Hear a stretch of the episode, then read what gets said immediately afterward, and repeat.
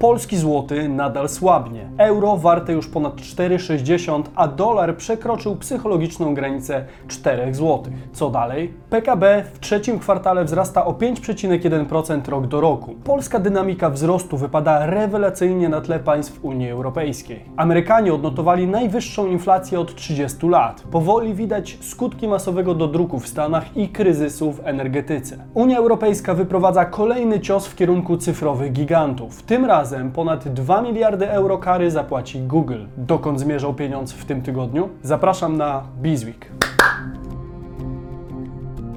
Cześć, tutaj Damian Olszewski i witam Was serdecznie w programie Praktycznie o pieniądzach i informacyjnej serii Bizweek. Zaczynajmy!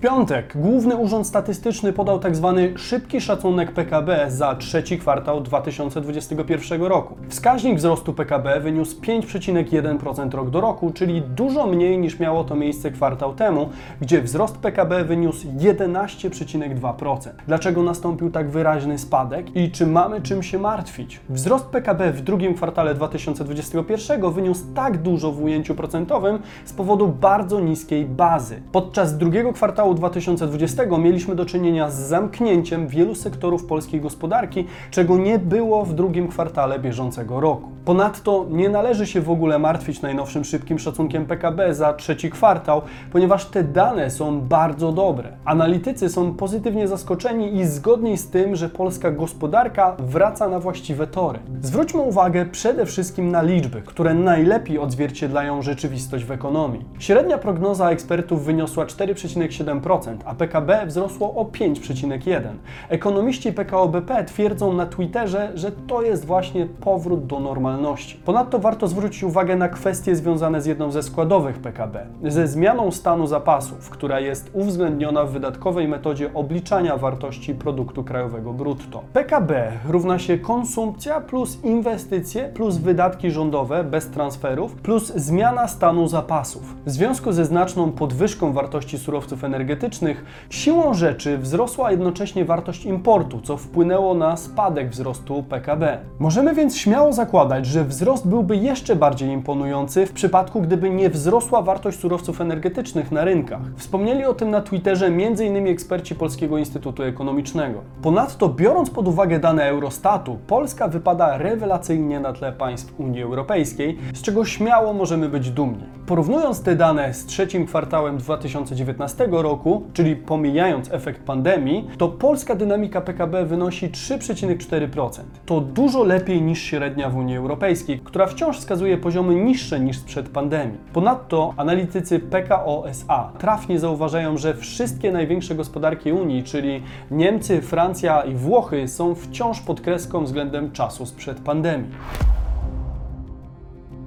Niestety nie wszystkie wiadomości są korzystne dla polskiej gospodarki, w szczególności te związane z rynkiem Forex. Pomimo ostatnich podwyżek stóp procentowych mamy do czynienia z osłabieniem się polskiego złotego i to wyraźnym. Kurs euro wynosi obecnie około 4,64 i powoli niebezpiecznie zbliża się do 10-letniego maksimum, które było ustanowione 29 marca tego roku, gdy to za 1 euro płaciliśmy ponad 4,67. Kurs dolara przebił w czwartek psychologiczną barierę 4 zł i jest najdroższy od maja 2020 roku. Osłabienie się dolara jest spowodowane wysoką inflacją w USA, o której dzisiaj jeszcze Wam opowiem. Niestety święto niepodległości nie było zbyt korzystne dla polskiej waluty. Na szczęście na parze walutowej USD-PLN jest jeszcze daleko do 10-letniego szczytu, który został ustanowiony podczas pierwszej fali pandemii COVID-19 i paniki na rynkach finansowych. Było to 23 marca zeszłego roku, kiedy to dolar był warty aż 4,30. Doszło wówczas do odpływu kapitału z walut wschodzących do walut głównych,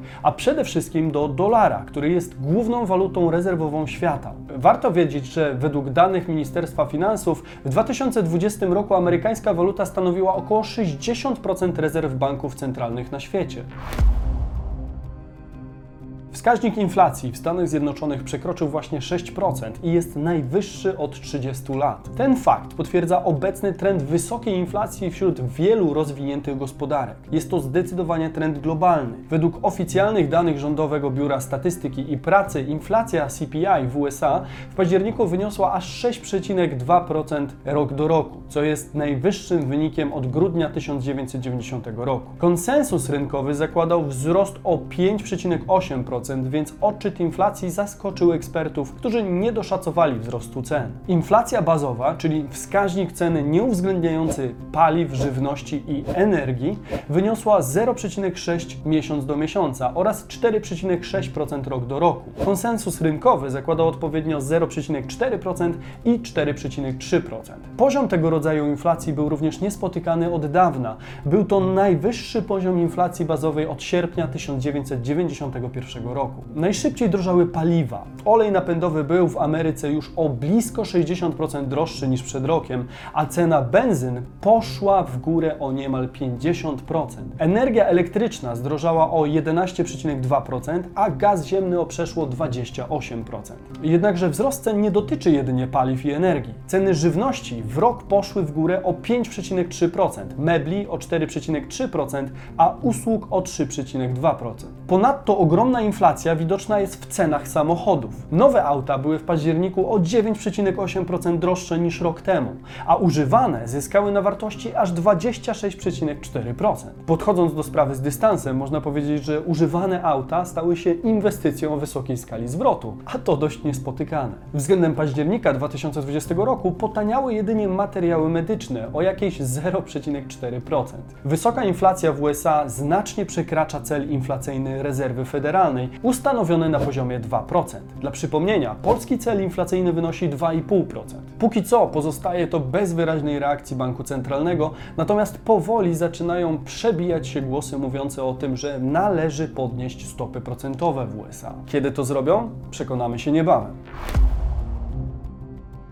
W środę Sąd Unii Europejskiej potwierdził grzywnę w wysokości 2,42 miliarda euro dla koncernu Google za nadużycie pozycji dominującej na rynku i faworyzowanie własnej usługi porównywania cen. W czerwcu 2017 roku Komisja Europejska uznała, że Google nadużywał swojej pozycji dominującej na rynku ogólnych usług wyszukiwania online w 13 krajach Europejskiego Obszaru Gospodarczego, faworyzując własną usługę porównywania cen wobec konkurencyjnych. Komisja Europejska ustaliła wówczas, że wyniki wyszukiwania produktów dokonanych za pomocą ogólnej wyszukiwarki Google były pozycjonowane i wyświetlane w sposób bardziej przyciągający wzrok, gdy pochodziły z własnej usługi porównywania cen, niż gdy pochodziły z konkurencyjnych usługodawców. W związku z tym została nałożona kara na Google w wysokości 2,42 miliarda euro, od której amerykański koncern wówczas się odwołał. Można odnieść wrażenie, że Unia dosyć mocno skupia się w tej chwili na firmach Big Tech, czego dowodem jest również praca nad globalnym podatkiem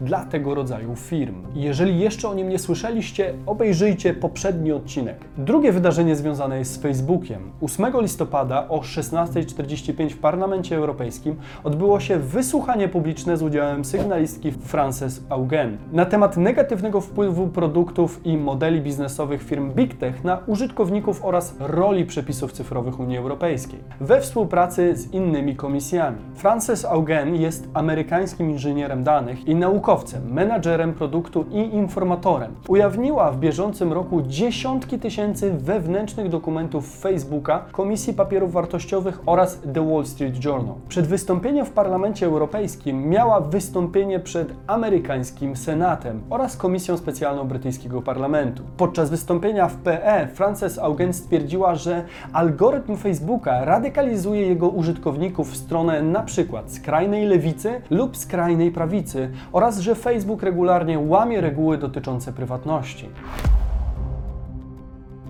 Tym tygodniu mieliśmy do czynienia z ciekawą wypowiedzią bardzo popularnej obecnie osoby, czyli prezesa NBP Adama Glapińskiego, który stwierdził, że NBP zapobiegł razem z rządem, żebyśmy nie mieli 20% bezrobocia, ale dodał, że ceną za to jest inflacja. Jak zaznaczył, jego zdaniem większość tej inflacji, na pewno z 70%, pochodzi z szoków zewnętrznych, ze wzrostu cen ropy, a w związku z tym benzyny, energii elektrycznej, gazu, żywności wymieniał. To jednak nie do końca prawda, ponieważ ponieważ inflacja bazowa nie uwzględniająca tych czynników również od wielu miesięcy znajduje się na bardzo wysokim poziomie. Tak więc słowa prezesa można uznać za lekko naciągane. Niepodważalny jest jednak fakt, że masowy dodruk pieniędzy i zapomogi z tarczy antykryzysowej niewątpliwie spowodowały ochronę polskich pracowników przed masowymi zwolnieniami. Mówił Damian Olszewski, a Wy oglądaliście Bizweek. Subskrybujcie kanał tutaj i zostawcie hasło Bizweek w komentarzu dla algorytmu. Widzimy się w niedzielę o 15. Cześć!